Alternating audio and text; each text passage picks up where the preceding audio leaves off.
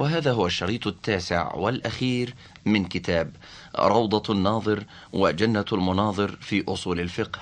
نتابع القراءة في الاجتهاد واختلاف المجتهدين والمجتهدين. يقول وبالآخرة يخير المجتهدان بين النقيضين عند تعارض الدليلين ويختار من المذاهب أطيبها. قالوا لا يستحيل كون الشيء حلالا وحراما في حق شخصين والحكم ليس وصفا للعين. فلا يناقض أن يحل لزيد ما حرم على عمرو كالمنكوحة حلال لزوجها حرام على غيره وهذا ظاهر. بل لا يمتنع في حق شخص واحد مع اختلاف الأحوال كالصلاة. واجبة في حق المحدث إذا ظن أنه متطهر. حرام إذا علم بحدثه. وركوب البحر مباح لمن غلب على ظنه السلامة. حرام على الجبان الذي يغلب على ظنه العطب. والجواب أنه يؤدي إلى الجمع بين النقيضين في حق شخص واحد. فإن المجتهد لا يقصر الحكم على نفسه بل يحكم بأن يسير النبيذ حرام على كل واحد والآخر يقضي بإباحته في حق الكل. فكيف يكون حراما على الكل مباحا لهم؟ أم كيف تكون المنكوحة بلا ولي مباحة لزوجها حراما عليه؟ ثم لو لم يكن محالا في نفسه لكنه يؤدي إلى المحال في بعض الصور فإنه إذا تعارض عند المجتهد دليلان فيتخير بين الشيء ونقيضه. ولو نكح مجتهد امرأة بلا ولي ثم نكحها آخر يرى بطلان الأول فكيف تكون مباحة للزوجين؟ المسلك الثاني لو كان كل مجتهد مصيبة جاز لكل واحد من المجتهدين في القبلة أن يقتدي كل واحد منهما بصاحبه لأن كل واحد منهما مصيب وصلاته صحيحة فلما لا يقتدي بمن صلاته صحيحة في نفسه. ثم يجب أن يطوى بساط المناظرات في الفروع لكون كل واحد منهم مصيبة لا فائدة في نقله عما هو عليه ولا تعريفه ما عليه خصمه. المسلك الثالث أن المجتهد يكلف الاجتهاد بلا خلاف. والاجتهاد طلب يستدعي مطلوبة لا محالة فإن لم يكن للحادثة حكم فما الذي يطلب؟ فمن يعلم يقينا أن زيدا ليس بجاهل ولا عالم هل يتصور أن يطلب الظن بعلمه؟ ومن يعتقد أن النبيذ ليس بحلال ولا حرام كيف يطلب أحدهما؟ فإن قالوا إن المجتهد لا يطلب حكم الله تعالى بل إنما يطلب غلبة الظن فيكون حكمه ما غلب على ظنه كمن يريد ركوب البحر فقيل له إن غلب على ظنك الهلاك حرم عليك الركوب وإن غلب على ظنك السلامة أبيح لك الركوب. وقبل الظن لا حكم لله تعالى عليك سوى اجتهادك في تتبع ظنك. فالحكم يتجدد بالظن ويوجد بعده. ولو شهد عند قاض شاهدا فحكم الله تعالى عليه يترتب على ظنه. إن غلب عليه الصدق وجب قبوله وإن غلب على ظنه الكذب لم يجب قبوله. قلنا قولهم إنما يطلب غلبة الظن فالظن أيضا لا يكون إلا لشيء مظنون. ومن يقطع بانتفاء الحكم كيف يتصور أن يظن وجوده؟ فإن الظن لا يتصور إلا لموجود والموجود يتبع الظن فيؤدي إلى الدور. وراكب البحر لا يطلب الحكم إنما يطلب تعرف الهلاك أو السلامة وهذا أمر يمكن تعرفه. والحاكم إنما يظن الصدق أو الكذب وهذا غير الحكم الذي يلزمه أو يلزمه بخلاف ما نحن فيه. فإن المطلوب هو الحكم الذي يعلم أنه لا وجود له فكيف يتصور طلبه له؟ ثم إذا علمنا أنه لا حكم لله تعالى في الحادثة فلم يجب الاجتهاد فإننا علمنا بالعقل قبل ورود الشرع انتفاء الواجبات وسقوط الحرج عن الحركات والسكتات. فيجب أن يطلق في الأشياء من غير اجتهاد والعامي الذي لا اجتهاد له لا يؤاخذ على فعل من الأفعال فإن الحكم إنما يحدث بالاجتهاد وهو لا اجتهاد له. فلا حكم عليه إذن ولا خطاب في حقه وهذا فاحش. وقولهم إن النص إذا لم يقدر عليه المجتهد لا يكون حكما في حقه. ممنوع بل الحكم بنزول النص إلى الخلق بلغهم أم لم يبلغهم. فلو وقف الحكم على سماع الخطاب وبلوغ النص لم يكن على العامي حكم في أكثر المسائل لكونه لم يبلغه النص. ولكان المجتهد إذا امتنع من الاجتهاد لا حكم عليه لتلك الحادثة ولا يجب عليه قضاء ما ترك من العبادات والواجبات ولا يكون مخطئا إلا بترك الاجتهاد لا غير. أما النص إذا نزل به جبريل فقد قال أبو الخطاب يكون نسخ وإن لم يعلم به المنسوخ عنه وإنما عند أهل قباء بما مضى من صلاتهم لأن القبلة يعذر فيها بالعذر. جواب ثان أن هذا فرض في مسألة لا يتوهم أن لها دليلا يطلب وإنما الخطأ فيما نصب الله تعالى عليه دليلا. وواجب على المكلف طلبه. ثم يحتاج إلى بيان تصور ذلك وإمكان خلو بعض المسائل من الدليل. وهو باطل إذ لا خلاف في وجوب الاجتهاد في الحادثة وتعرف حكمها. والشرع قد نصب عليها إما دليلا قاطعا أو ظنيا. قولهم إن الأدلة الظنية ليست أدلة لأعيانها. بدليل اختلاف الإضافات.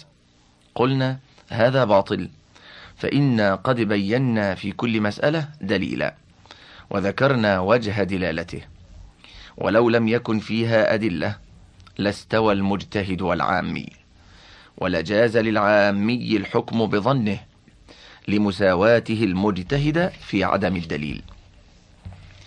وهل الفرق بينهما إلا معرفة الأدلة؟ ونظره في صحيحها وسقيمها. ونبو بعض الطباع عن قبول الدليل لا يخرجه عن دلالته فإن كثيرا من العقليات يختلف فيها بين الناس مع اعتقادهم أنها قاطعة. ولا ينكر أن منها ما تضعف دلالته ويخفى وجهه ويوجد معارض له فتثبته على المجتهد وتختلف فيه الآراء. ومنها ما يظهر ويتبين خطأ مخالفيه وكلها أدلة. ولأن الظن إذا لم يكن دليلا فبما عرفتم أنه ليس بدليل ويلزم من انتفاء ذلك انتفاء الدليل على أنه ليس بدليل. وقولهم إنه لا يخلو إما أن يكون مكلفا بممكن أو بغير ممكن. قلنا لا يكلف إلا ما يمكن ولا نقول إنه يكلف الإصابة في محل التعذر بل يكلف طلب الصواب والحكم بالحق الذي هو حكم الله. فإن أصابه فله أجر اجتهاده وأجر إصابته وإن أخطأ فله ثواب اجتهاده والخطأ محطوط عنه والله تعالى أعلم. فصل إذا تعارض دليلان عند المجتهد ولم يترجح أحدهما. وجب عليه التوقف ولم يكن له الحكم بأحدهما ولا التخيير فيهما. وبه قال أكثر الحنفية وأكثر الشافعية. وقال بعضهم وبعض الحنفية يكون المجتهد مخيرا في الأخذ بأيهما شاء لأنه لا يخلو إما أن يعمل بالدليلين أو يسقطهما أو يتحكم بتعيين أحدهما أو يتخير فيهما. لا سبيل إلى الجمع بينهما عملا وإسقاطا لأنه متناقض. ولا إلى التوقف إلى غير غاية فإن فيه تعطيلا. وربما لم يقبل الحكم التأخير. ولا سبيل إلى التحكم. لم يبق إلا التخيير. والتخيير بين الحكمين مما ورد به الشرع. في العام إذا أفتاه مجتهدان وفي خصال الكفارة. والتوجه إلى أي جدران الكعبة شاء لمن دخلها. والتخيير في زكاة مئتين من الإبل بين الحقائق وبنات اللبون وأمثال ذلك. فإن قلتم التخيير بين التحريم ونقيضه والإيجاب وعكسه يرفع التحريم والإيجاب قلنا إنما يناقض الإيجاب جواز الترك مطلقا أما جوازه بشرط فلا. بدليل الواجب الموسع يجوز تركه بشرط. والركعتان الأخيرتان في الرباعية من المسافر يجوز تركهما بشرط قصد القصر. كذا ها هنا يجوز ترك الواجب بشرط قصد الدليل المسقط له. وإذا سمع قوله وأن تجمعوا بين الأختين حرم عليه الجمع. وإنما يجوز له الجمع إذا قصد الدليل الثاني وهو قوله أو ما ملكت أيمانكم. كما قال عثمان أحلتهما آية وحرمتهما آية. ولنا أن التخيير جمع بين النقيضين وإطراح لكلا الدليلين. وكلاهما باطل. أما بيان إطراح الدليلين فإذا تعارض الموجب والمحرم فيصير إلى التخيير المطلق وهو حكم ثالث غير حكم الدليلين مع مع فيكون إطراحا لهما وتركا لموجبهما. وأما الجمع بين النقيضين فإن المباح نقيض المحرم. فإذا تعارض المبيح والمحرم فخيرناه بين كونه محرما يأثم بفعله وبين كونه مباحا لا إثم على فاعله كان جمعا بينهما وذلك محال. ولأن في التخيير بين الموجب والمبيح رفعا للإيجاب فيصير عملا بالدليل المبيح عينا وهو تحكم. وقد سلموا بطلانه. قولهم إنما جاز بشرط القصد. قلنا فقبل أن يقصد العمل بأحدهما ما حكمه؟ إن قلتم حكمه الوجوب والإباحة معا والتحريم والحل معا فقد جمعتم بين النقيضين. وإن قلتم حكمه التخيير فقد نفيتم الوجوب قبل القصد وأطرحتم دليله. وأثبتتم حكم الإباحة من غير شرط. وإن قلتم لا حكم له قبل القصد وإنما يصير له بالقصد حكم فهذا إثبات حكم بمجرد الشهوة والاختيار من غير دليل فإن الدليلين وجدا فلم يثبت لهما حكم وثبت بمجرد شهوته وقصده بلا دليل وهذا باطل. قولهم إن التوقف لا سبيل إليه. قلنا نلزمكم ما إذا لم يجد المجتهد دليلا في المسألة. والعامي إذا لم يجد مفتيا فماذا يصنع؟ وهل ثم طريق إلا التوقف في المسألة؟ ثم لا نسلم تصور خلو المسألة عن دليل. فإن الله تعالى كلفنا حكمه ولا سبيل إليه إلا بدليل. فلو لم يجعل له دليلا كان تكليفا بما لا يطاق. فعند ذلك إذا تعارض دليلان وتعذر الترجيح أسقطهما وعدل إلى غيرهما. كالحاكم إذا تعارضت عنده بينتان. أما العامي فقد قيل يجتهد في أعيان المفتين فيقلد أعلمهما وأدينهما وهو ظاهر قول الخرقي لأنه قال في الأعمى إذا كان مع مجتهدين في القبلة قلد أوثقهما في نفسه وقيل يخير بينهما. والفرق بينهما أن العامي ليس ممن عليه دليل. ولا هو متعبد باتباع موجب ظنه. بخلاف المجتهد فإنه متعبد بذلك. ومع التعارض لا ظن له فيجب عليه التوقف. ولهذا لا يحتاج العامي إلى الترجيح بين المفتين على هذا الوجه. ولا يلزمه العمل بالراجح بخلاف المجتهد. ولا ينكر التخيير في الشرع. لكن التخيير بين النقيضين ليس له في الشرع مجال وهو في نفسه محال والله أعلم. فصل. وليس للمجتهد أن يقول في المسألة قولان في حال واحدة في قول عامة الفقهاء. وقال ذلك الشافعي في مواضع. منها قال في المسترسل من اللحية قولان. أحدهما يجب غسله والآخر لا يجب. فقيل عنه لعله تكافأ عنده الدليلان فقال بهما على التخيير أو علم الحق في أحدهما لا بعينه فقال ذلك لينظر فيهما أو ينظر هو فاخترمه الموت أو نبه أصحابه على طريق الاجتهاد. ولا يصح شيء من ذلك. فإن القولين فإن القولين لا يخلو إما أن يكونا صحيحين أو فاسدين أو أحدهما صحيح والآخر فاسد. فإن كانا فاسدين فالقول بهما حرام وإن كانا صحيحين وهما ضدان فكيف يجتمع ضدان؟ وإن كان أحدهما فاسدا لم يخلو. إما أن يعلم فساد الفاسد أو لا يعلمه. فإن علمه فكيف يقول قولا فاسدا؟ أم كيف يلبس على الأمة بقول يحرم القول به؟ وإن اشتبه عليه الصحيح بالفاسد لم يكن عالما بحكم المسألة ولا قول له فيها أصلا. فكيف يكون له فيها قولان؟ قولهم تكافأ عنده دليلان قد أبطلناه. ثم لو صح فحكمه التخيير وهو قول واحد.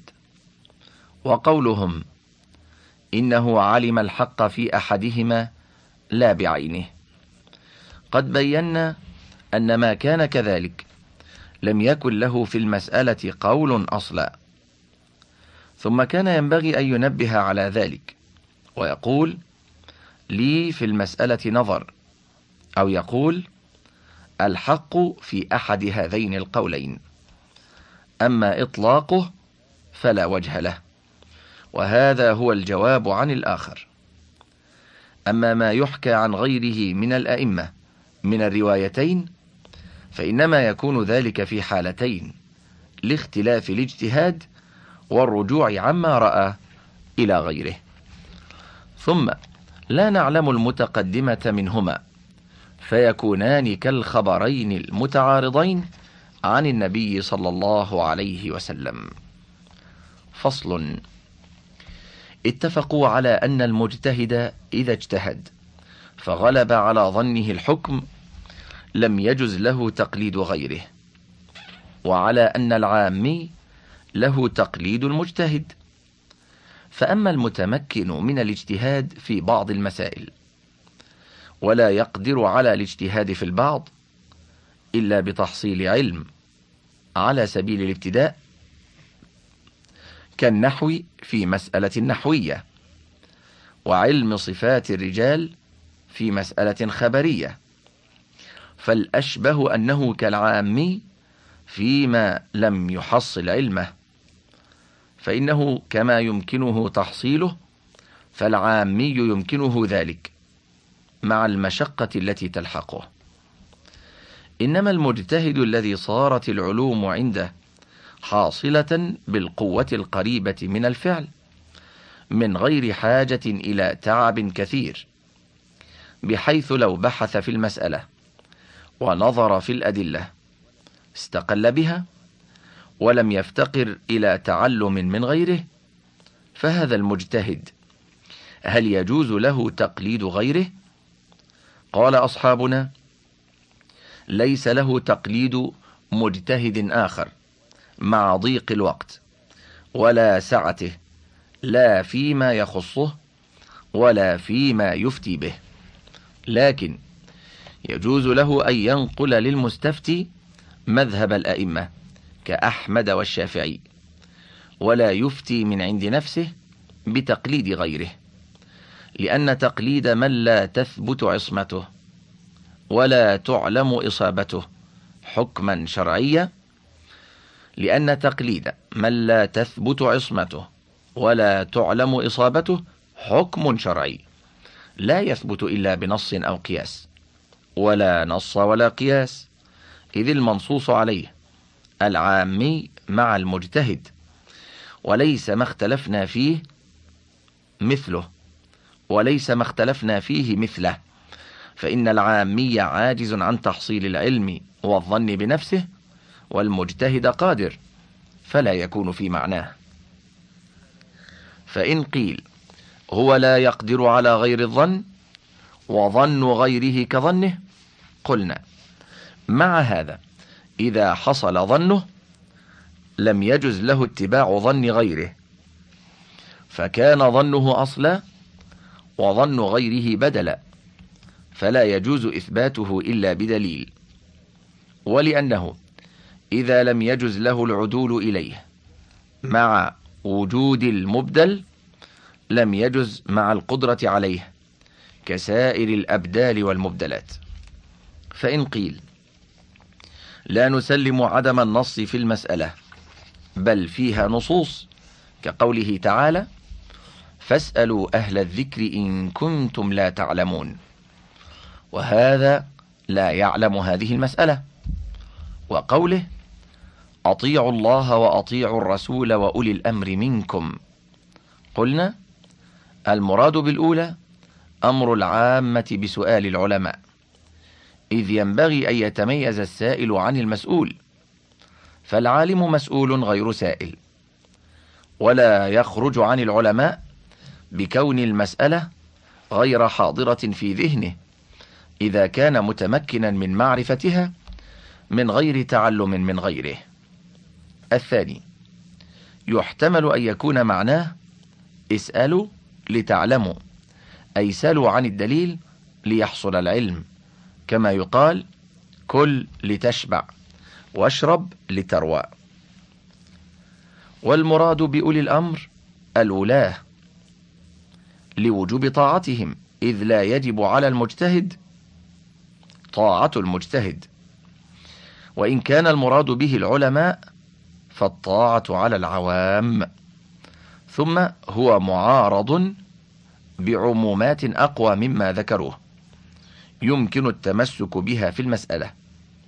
كقوله تعالى فاعتبروا يا أولي الأبصار وقوله تعالى لعلمه الذين يستنبطونه منهم وقوله سبحانه أفلا يتدبرون القرآن وقوله تعالى فإن تنازعتم في شيء فردوه إلى الله والرسول.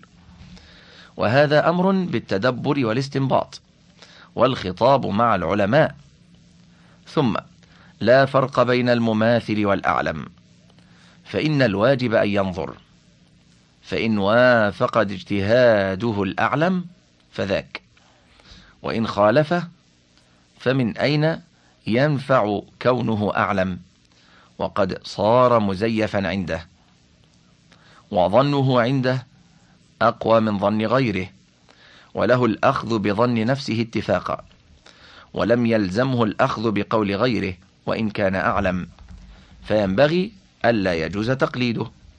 فإن قيل فلم ينقل عن طلحة والزبير ونظرائهما نظر في الأحكام مع ظهور الخلاف فالأظهر أنهم أخذوا بقول غيرهم. قلنا كانوا لا يفتون اكتفاء بغيرهم. وأما علمهم لنفوسهم لم يكن إلا بما عرفوه فإن أشكل عليهم شاوروا غيرهم لتعرف الدليل لا للتقليد. والله أعلم. فصل إذا نص المجتهد على حكم في مسألة. لعلة بينها توجد في مسائل سوى المنصوص عليه لعلة بينها توجد في مسائل سوى المنصوص عليه فمذهبه في تلك المسائل كمذهبه في المسألة المعللة لأنه يعتقد الحكم تابعا للعلة ما لم يمنع منها مانع فإن لم يبين العلة لم يجعل ذلك الحكم مذهبه في مسألة أخرى. وإن أشبهتها شبها يجوز خفاء مثله على بعض المجتهدين. فإنا لا ندري لعلها لو خطرت له. لم يصر فيها إلى ذلك الحكم. ولأن ذلك إثبات مذهب بالقياس. ولذلك افترقا في منصوص الشارع فيما نص على علته. كان كالنص ينسخ وينسخ به وما لم ينص على علته لم ينسخ ولم ينسخ به. ولو نص المجتهد على مسألتين متشابهتين بحكمين مختلفين لم ينقل حكم إحداهما إلى الأخرى ليكون له في المسألة روايتان. لأن إذا لم نجعل مذهبه في المنصوص عليه مذهبا له في المسكوت عنه فبالطريق الأولى ألا نجعله مذهبا له فيما نص على خلافه. ولأنه إنما يضاف إلى الإنسان مذهب في المسألة بنصه أو دلالة تجري مجرى نصه ولم يوجد أحدهما. وإن وجد منه نوع دلالة على الأخرى لكنه قد نص فيها على خلاف تلك الدلالة. والدلالة الضعيفة لا تقاوم النص الصريح. فإن نص في مسألة واحدة على حكمين مختلفين ولم يعلم, ولم يعلم تقدم أحدهما اجتهدنا في أشبههما بأصوله وأقواهما في الدلالة فجعلناها له مذهبا وكنا شاكين في الأخرى. وإن علمنا الأخيرة فهي المذهب لأنه لا يجوز أن يجمع بين قولين مختلفين على ما بينا. فيكون نصه الأخير رجوعا عن رأيه الأول فلا يبقى مذهبا له كما لو صرح بالرجوع. وقال بعض أصحابنا يكون الأول مذهبا له لأنه لا ينقض الاجتهاد بالاجتهاد ولا يصح. فإنهم إن أرادوا ألا يترك ما أداه إليه اجتهاده الأول باجتهاده الثاني فهو باطل يقينا. فإنا نعلم أن المجتهد في القبلة إذا تغير اجتهاده ترك الجهة التي كان مستقبلا لها وتوجه إلى غيرها. والمفتي إذا أفتى في مسألة بحكم ثم تغير اجتهاده لم يجز أن يفتي فيها بذلك الحكم الأول وكذلك الحاكم. وإن أراد وأن الحكم الذي حكم به على شخص لا ينقضه أو ما أداه من الصلوات لا يعيده فليس هذا نظيرا لمسألتنا. إنما الخلاف فيما إذا تغير اجتهاده. هل يبقى الأول مذهبا له أم لا؟ وقد بينا أنه لا يبقى. ثم يبطل ما ذكروه بما صرح بالرجوع عن القول الأول. فكيف يجعل مذهبا له؟ مع قوله رجعت عنه واعتقدت بطلانه.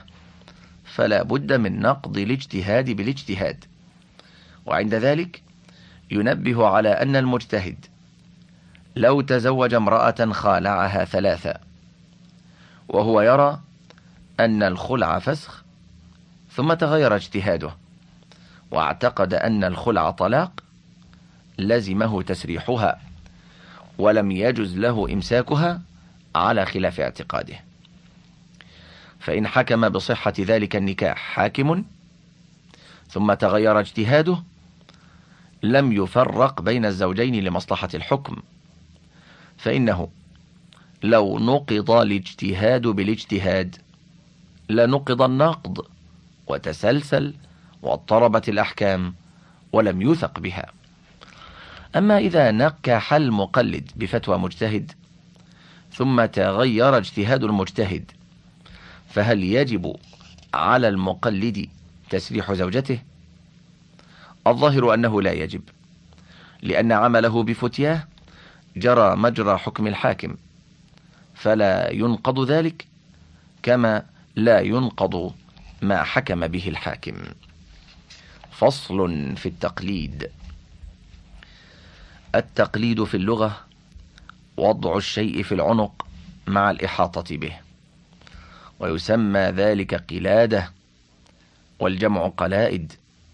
قال الله تعالى أعوذ بالله من الشيطان الرجيم. بسم الله الرحمن الرحيم. ولا الهدي ولا القلائد. ومنه قول النبي صلى الله عليه وسلم في الخيل لا تقلدوها الأوتار. قال الشاعر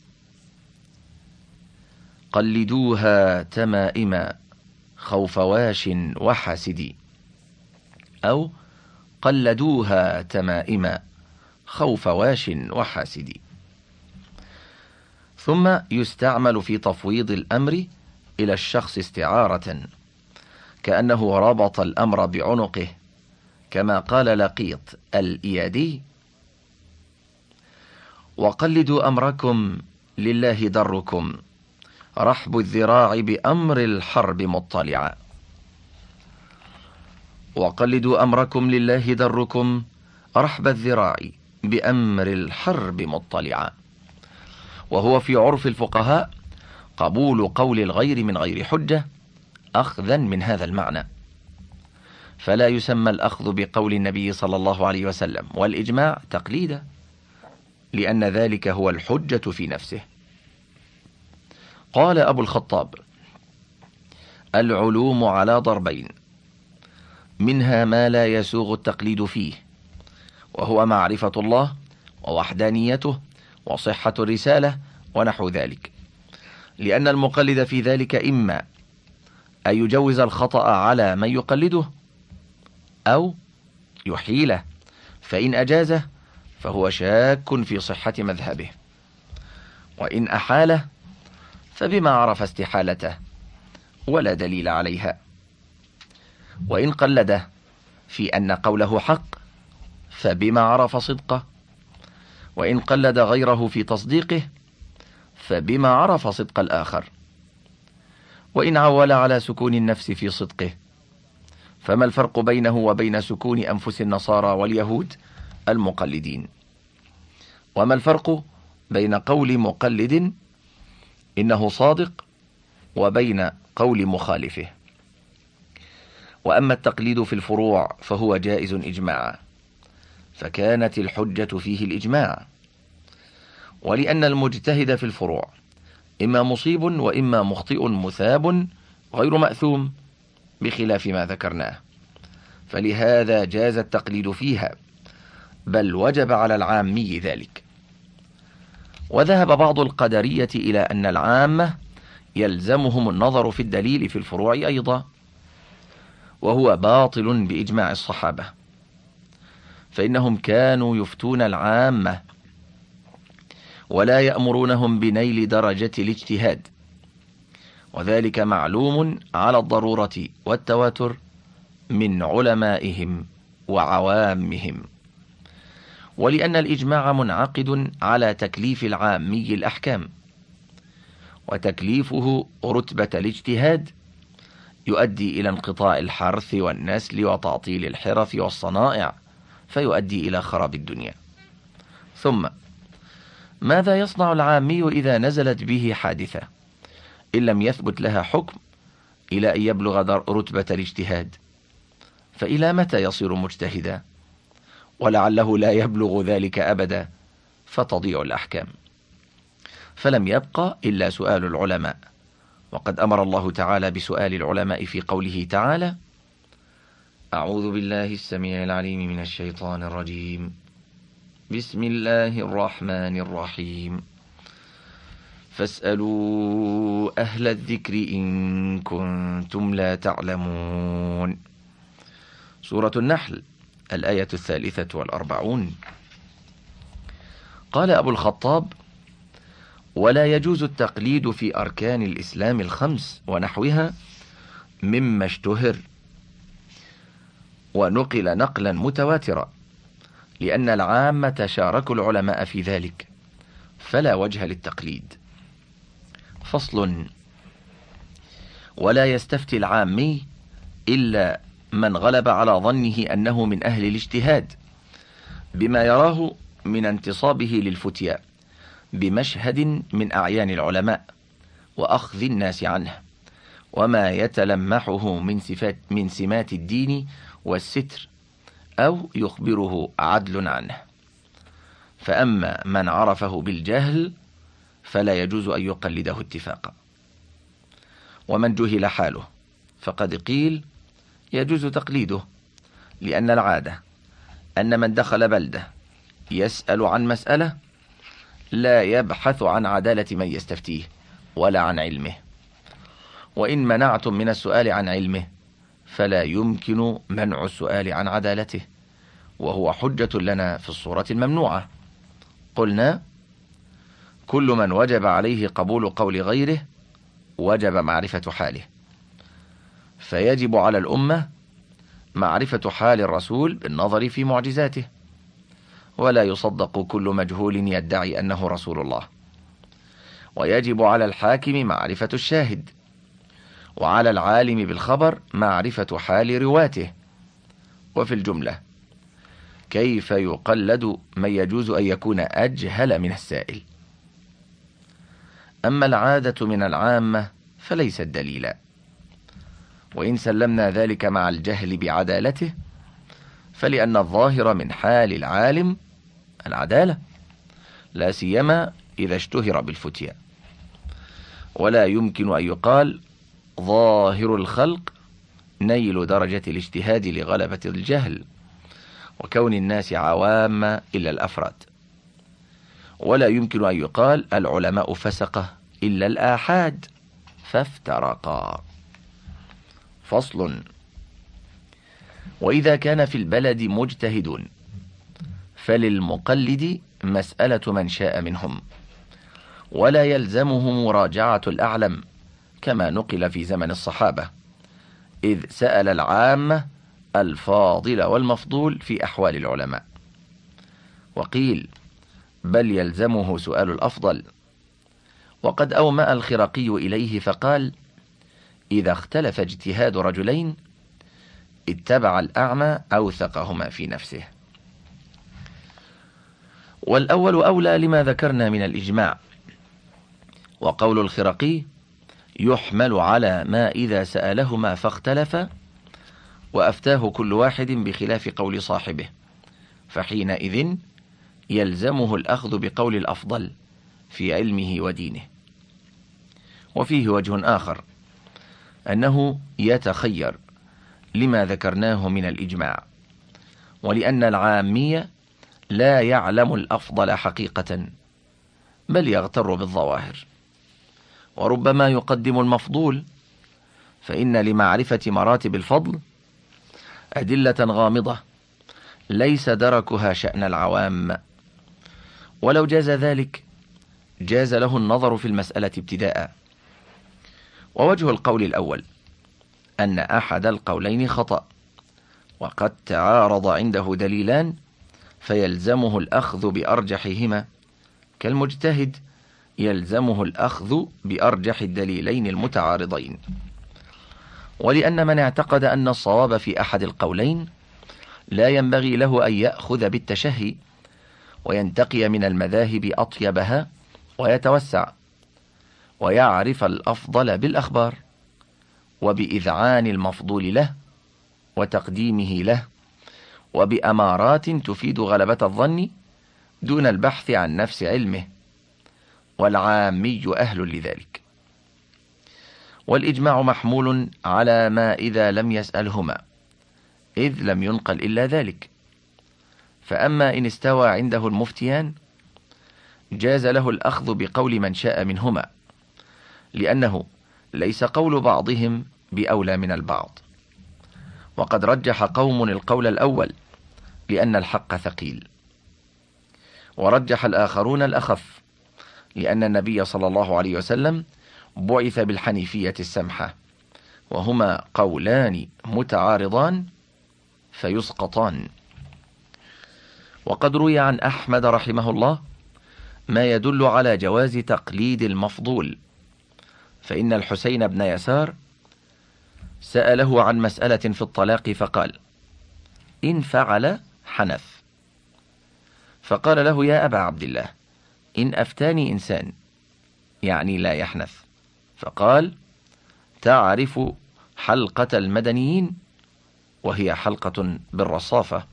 فقال له إن أفتوني به حل؟ قال نعم. وهذا يدل على التخيير بعد الفتيا. والله أعلم. باب في ترتيب الأدلة ومعرفة الترجيح. يجب على المجتهد في كل مسألة أن ينظر أول شيء إلى الإجماع. فإن وجده لم يحتج إلى النظر في سواه. ولو خالفه كتاب أو سنة علم أن ذلك منسوخ أو متأول لكون الإجماع دليلا قاطعا لا يقبل نسخا ولا تأويلا. ثم ينظر في الكتاب والسنة المتواترة وهما على رتبة واحدة لأن كل واحد منهما دليل قاطع ولا يتصور التعارض في القواطع. إلا أن يكون أحدهما منسوخا. ولا يتصور أن يتعارض علم وظن لأن ما علم كيف يظن خلافه؟ وظن خلافه شك فكيف يشك فيما يعلم؟ ثم ينظر في أخبار الآحاد فإن عارض خبر خاص عموم كتاب أو سنة متواترة فقد ذكرنا ما يجب تقديمه منها. نقول يجب على المجتهد في كل مسألة أن ينظر أول شيء إلى الإجماع فإن وجده لم يحتج إلى النظر في سواه. ولو خالفه كتاب أو سنة علم أن ذلك منسوخ أو متأول لكون الإجماع دليلا قاطعا لا يقبل نسخا ولا تأويلا. ثم ينظر في الكتاب والسنة المتواترة وهما على رتبة واحدة لأن كل واحد منهما دليل قاطع ولا يتصور التعارض في القواطع إلا أن يكون أحدهما منسوخا. ولا يتصور أن يتعارض علم وظن لأن ما علم كيف يظن خلافه؟ وظن خلافه شك فكيف يشك فيما يعلم؟ ثم ينظر في آحاد الأخبار. أخبار الآحاد.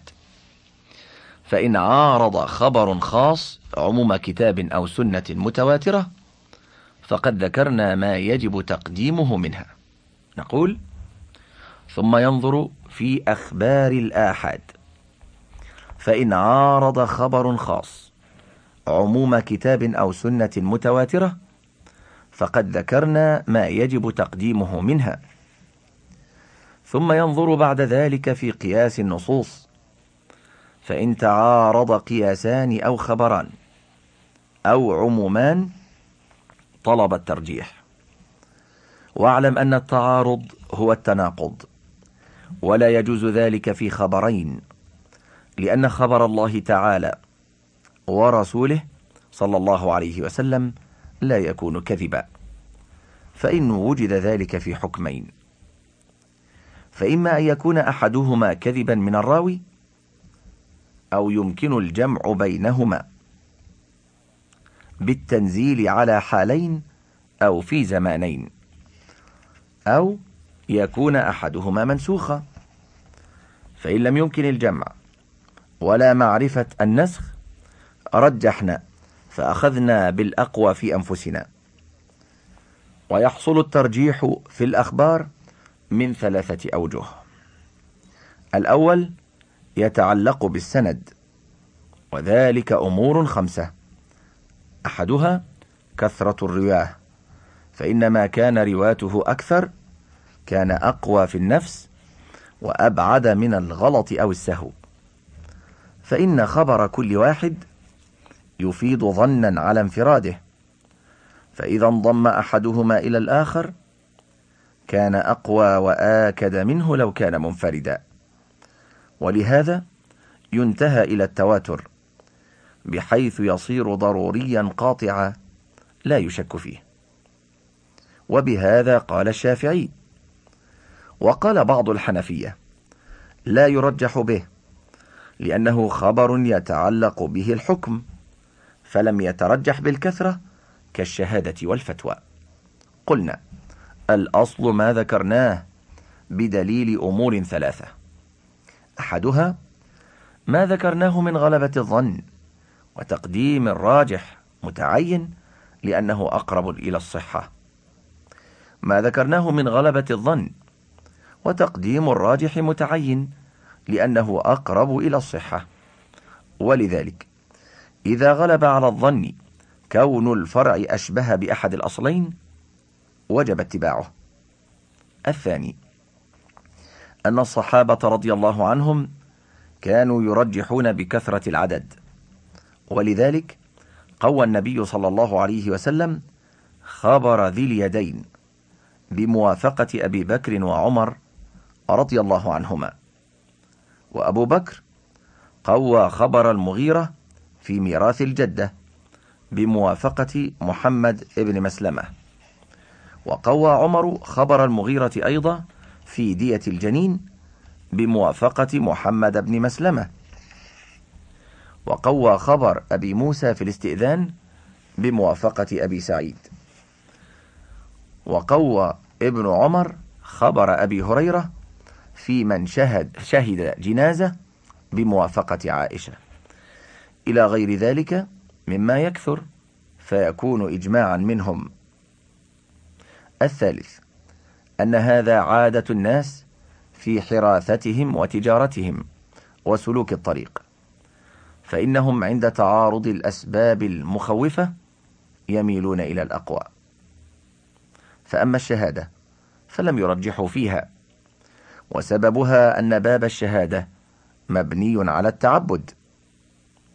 ولهذا لو شهد بلفظ الأخبار دون الشهادة لم يقبل ولا تقبل شهادة مئة امرأة على باقة بقل. الثاني أن يكون أحد الراويين معروفا بزيادة التيقظ وقلة الغلط فالثقة بروايته أكثر. الثالث أن يكون أورع وأتقى فيكون أشد تحرزا من الكذب وأبعد من رواية ما يشك فيه. الرابع أن يكون راوي أحدهما صاحب الواقعة فقول ميمونة تزوجني النبي صلى الله عليه وسلم ونحن حلالان يقدم على رواية ابن عباس نكحها وهو محرم. الخامس. أن يكون أحدهما باشر القصة كرواية أبي رافع. تزوج النبي صلى الله عليه وسلم ميمونة وهو حلال وكنت السفير بينهما. مع رواية ابن عباس التي ذكرناها. فإن المباشر أحق بالمعرفة من الأجنبي. ولذلك قدم الصحابة أخبار أزواج النبي صلى الله عليه وسلم في صحة صوم من أصبح جنبا وفي وجوب الغسل من التقاء الختانين بدون الإنزال على خبر من روى خلاف ذلك. الوجه الثاني الترجيح لأمر يعود إلى المتن كترجيح أحد الخبرين بكونه ناقلا عن حكم الأصل مثل الموجب للعبادة أولى من النافي لها لأن النافي جاء على مقتضى العقل. والآخر متأخر عنه فكان كالناسخ له وكذلك رواية الإثبات مقدمة على رواية النفي. لأن المثبت معه زيادة علم خفيت على صاحبه. قال القاضي وإذا تعارض الحاضر والمبيح قدم الحاضر لأنه الأحوط. وقيل لا يرجح بذلك. ولا يرجح المسقط للحد على الموجب له ولا الموجب للحرية على المقتضي للرق لأن ذلك لا يوجب تفاوتا في صدق الراوي فيما نقله من لفظ الإيجاب والإسقاط. وأما الترجيح لأمر خارج فبأمور منها أن يشهد القرآن والسنة أو الإجماع بوجوب العمل على وفق الخبر أو يعضده قياس أو يعمل به الخلفاء أو يوافقه قول صحابي. كموافقة خبر التغليس قوله تعالى وسارعوا إلى مغفرة من ربكم. الثاني أن يختلف في وقف أحد الخبرين على الراوي. والآخر متفق على رفعه. الثالث أن يكون راوي أحدهما قد نقل عنه خلافه فتتعارض روايتاه ويبقى الآخر سليما عن التعارض فيكون أولى. الرابع أن يكون أحدهما مرسلا والآخر متصلا فالمتصل أولى لأنه متفق عليه. وذلك مختلف فيه. فصل في ترجيح المعاني. قال أصحابنا ترجح العلة بما يرجح به الخبر من موافقتها لدليل آخر من كتاب أو سنة أو قول صحابي أو خبر مرسل أو بكون إحداهما ناقلة عن الأصل كما قلنا في الخبر. فأما إن كانت إحداهما حاضرة والأخرى مبيحة نقول فأما إن كانت إحداهما حاضرة أي تحضر والأخرى مبيحة أو كانت إحداهما مسقطة للحد أو موجبة للعتق ففي الترجيح بذلك اختلاف.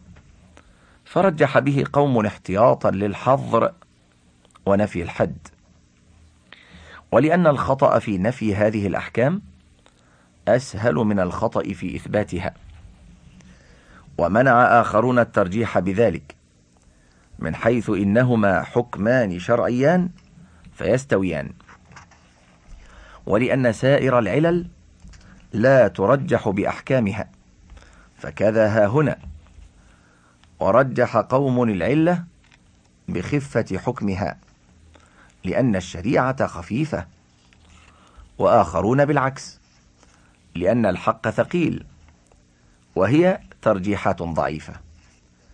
فإن كانت إحدى العلتين حكمة والأخرى وصفا حسية ككونه قوتا أو مسكرة فاختار القاضي ترجيح الحسية.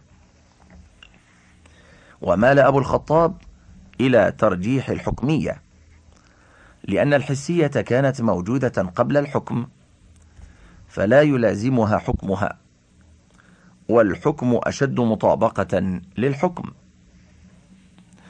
ورجح القاضي بأن الحسية كالعلة العقلية والعقلية قطعية فهو أولى مما يوجب الظن ولأنها لا تفتقر إلى غيرها في الثبوت.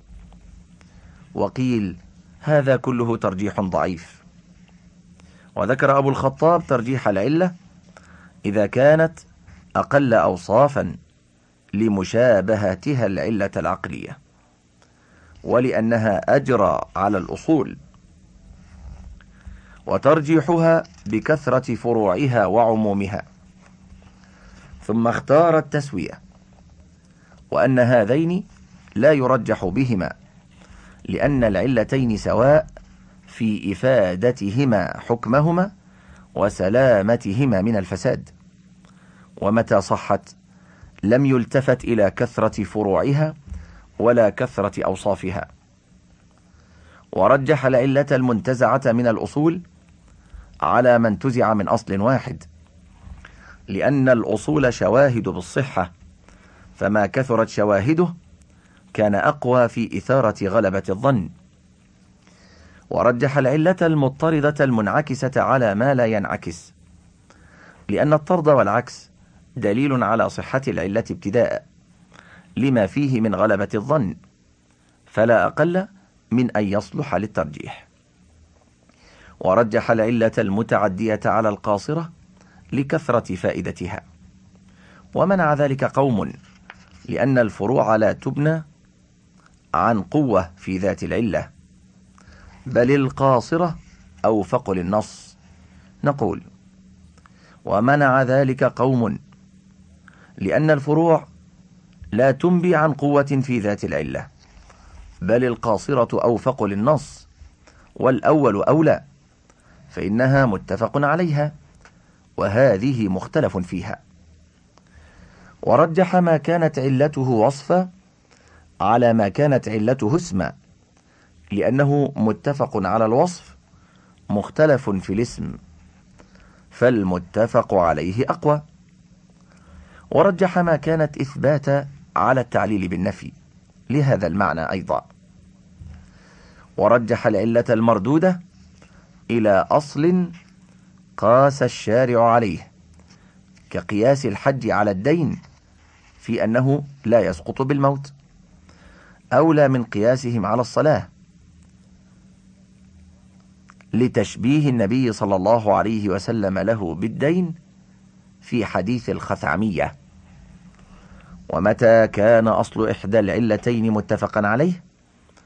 والآخر مختلفا فيه. كانت المتفق على أصلها أولى فإن قوة الأصل تؤكد قوة العلة. وكذلك ترجح كل علة قوى أصلها. مثل أن يكون أحدهما محتملا للنسخ والآخر لا يحتمل. أو يثبت أحدهما بخبر متواتر والآخر بآحاد. أو أحدهما ثابتا برواية كثيرة والآخر برواية واحدة.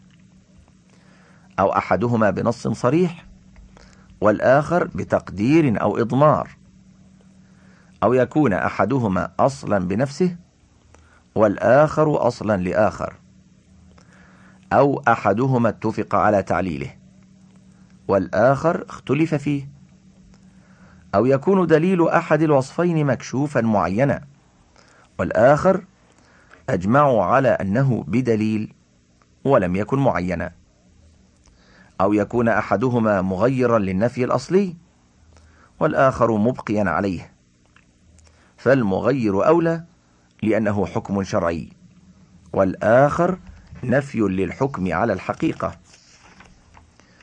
وترجح العلة المؤثرة على الملائمة والملائمة على الغريب والمناسبة على الشبهية لأنه أقوى في تغليب الظن والله سبحانه أعلم. تم الكتاب بحمد الله ومنه وكرمه. وصلى الله على خير رسله محمد وآله وصحبه وسلم تسليما كثيرا.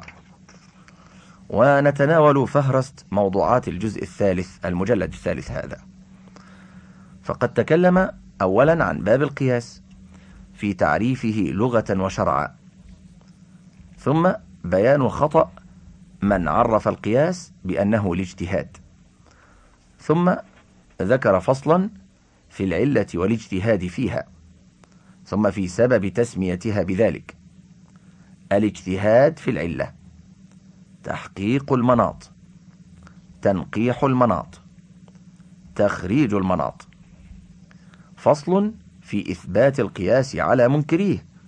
حجية القياس. المذاهب في ذلك. المذهب الأول جواز التعبد به عقلا وشرعا. أي أنه حجة.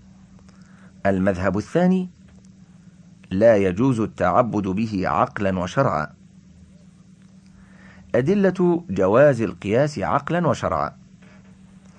أدلة وجوب التعبد به شرعا. إجماع الصحابة أمثلة على ذلك. الاعتراض على إجماع الصحابة. الجواب عن ذلك الاعتراض. جواب ثان عن ذلك الاعتراض. اعتراض آخر على إجماع الصحابة. الجواب عن ذلك الاعتراض. الأدلة النقلية على إثبات القياس. أدلة منكر القياس النقلية. شبههم المعنوية. الجواب عما استدل به منكر القياس. فصل. بيان خطأ قول أن الضام العلة المنصوص عليها توجب الإلحاق بطريق اللفظ والعموم لا بطريق القياس. ثم فصل عن الوجوه التي يتطرق عن طريقها الخطأ إلى القياس. فصل إلحاق المسكوت بالمنطوق وهو قسمان. المقطوع ضربان. الضرب الأول كون المسكوت أولى بالحكم من المنطوق. الضرب الثاني كون المسكوت مثل المنطوق. ثم تناول أدلة الشرع التي تثبت بها العلة أي مسالك العلة. القسم الأول إثبات العلة بأدلة نقلية. وهي تتنوع إلى الأول الصريح الثاني التنبيه والإيماء إلى العلة وهو أقسام. أحدها ذكر الحكم عقب وصف الثاني ترتيب الحكم على الوصف بصيغة الجزاء الثالث إجابة النبي صلى الله عليه وسلم عن سؤال سائل. الرابع أن يذكر مع الحكم شيئا لو لم يقدر التعليل به كان لغوا. الخامس أن يذكر في سياق الكلام شيئا لو لم يعلل به صار الكلام غير منتظم. السادس ذكر الحكم مقرونا بوصف مناسب. القسم الثاني ثبوت العلة بالإجماع. القسم الثالث ثبوت العلة بالاستنباط. وهو أنواع ثلاثة. أحدها إثبات العلة بالمناسبة. معنى المناسبة وأنواع المناسب. المؤثر الملائم الغريب. النوع الثاني من إثبات العلة بالاستنباط السبر. النوع الثالث من إثبات العلة بالاستنباط الدوران. ثم فصل إطراد العلة لا يدل على صحة العلة. ثم فصل إذا اشتمل وصف على مصلحة ومفسدة راجحة أو مساوية فهل المناسبة تنتفي وتتخرم؟ نقول ذكر فصلا في اضطراد العلة وفي أن اضطراد العلة لا يدل على صحتها. ثم ذكر إذا ما اشتمل وصف على مصلحة ومفسدة راجحة أو مساوية فهل المناسبة تنتفي وتتخرم؟ ثم فصل في قياس الشبه تفسيره مثاله الفرق بينه وبين قياس العلة وقياس الطرد. اختلاف العلماء في كونه حجة. المذهب الأول أنه صحيح وحجة. المذهب الثاني أنه ليس بصحيح. وجه كونه حجة. ثم ذكر كلاما في قياس الدلالة في تعريفه ومثاله وأتبعه بباب في أركان القياس في الأصل والفرع والعلة والحكم. الركن الأول الأصل. شروطه الشرط الأول ثبوته بنص أو إجماع. هل يجوز القياس على ما ثبت بالقياس؟ المذهب الأول. المذهب الثاني حكم القياس على المختلف فيه. الشرط الثاني كون الحكم معقول المعنى. والركن الثاني الحكم شروطه. الشرط الأول. أن يكون حكم الفرع مساويا لحكم الأصل. الشرط الثاني أن يكون الحكم شرعيا. الركن الثالث الفرع. شروطه الركن الرابع العلة. ثم فصل في العلة القاصرة هل يصح التعليل بها؟ المذهب في ذلك. المذهب الأول لا يصح التعليل بها. أدلة المذهب. المذهب الثاني يصح التعليل بها. أدلة هذا المذهب. تعريفه. هل هو شرط لصحة العلة؟ المذاهب في ذلك. المذهب الأول أنه شرط. المذهب الثاني أنه ليس بشرط. أدلة المذهب الثاني. ثم ذكر المذهب الثالث في الفرق بين المنصوص عليها والمستنبطة. دليل هذا المذهب. الجواب عما استدل به أصحاب المذهب الثاني. طريق الخروج عن عهدة النقض. ثم فصل أضرب تخلف الحكم عن العلة. الضرب الأول ما يعلم أنه مستثنى عن قاعدة القياس. الضرب الثاني تخلف الحكم لمعارضة علة. الضرب الثالث تخلف الحكم لعدم مصادفة العلة محلها. فصل المستثنى من قاعدة القياس. أقسامه يصح أن يقاس على ما عقل معناه ووجدت فيه العلة. أمثلة لما لا يعقل معناه. فصل العلة يجوز أن تكون نفي صفة أو اسم أو حكم. ثم فصل تعليل الحكم بعلتين. ثم تكلم عن جواز إجراء القياس في الأسباب. المذاهب في ذلك. المذهب الأول يجوز. المذهب الثاني لا يجوز. دليل أصحاب المذهب الثاني. ثم دليل أصحاب المذهب الأول. الجواب عما استدل به أصحاب المذهب الثاني. ثم فصل هل القياس يجري في الكفارات والحدود؟ المذهب في ذلك. المذهب الأول يجري القياس في ذلك. المذهب الثاني لا يجري القياس في ذلك. أدلة أصحاب المذهب الثاني ثم ذكر أدلة أصحاب المذهب الأول. الجواب عما استدل به أصحاب المذهب الثاني. ثم ذكر فصلا في الأسئلة المتوجهة إلى القياس قوادح العلة. السؤال الأول الاستفسار. السؤال الثاني فساد الاعتبار. السؤال الثالث فساد الوضع. السؤال الرابع المنع. السؤال الخامس التقسيم. السؤال السادس المطالبة. السؤال السابع النقض. السؤال الثامن القلب. السؤال التاسع المعارضة. السؤال العاشر عدم التأثير. السؤال الحادي عشر التركيب. السؤال الثاني عشر القول بالموجب.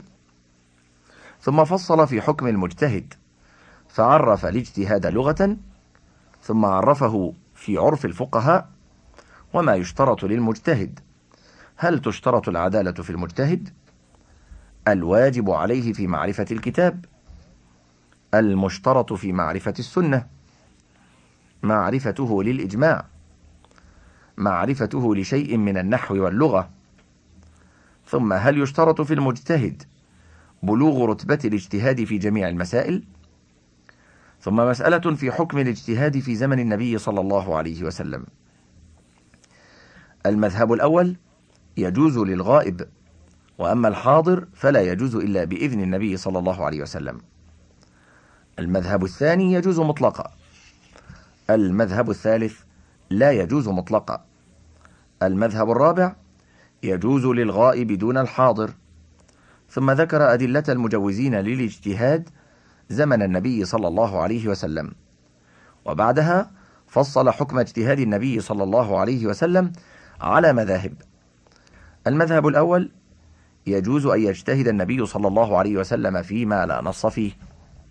المذهب الثاني لا يجوز أن يجتهد النبي صلى الله عليه وسلم فيما لا نص فيه. فذكر أدلة أصحاب المذهب الثاني ثم عرج بأدلة أصحاب المذهب الأول وهم الجمهور. ثم أجاب أصحاب المذهب الأول عما استدل به أصحاب المذهب الثاني. حكم وقوع الاجتهاد منه صلى الله عليه وسلم. المذهب الأول أنه وقع الاجتهاد. المذهب الثاني أنه لم يقع ذلك. ثم ذكر أدلة أصحاب المذهب الثاني وعرج بأدلة أصحاب المذهب الأول. ثم الجواب عما استدل به أصحاب المذهب الثاني.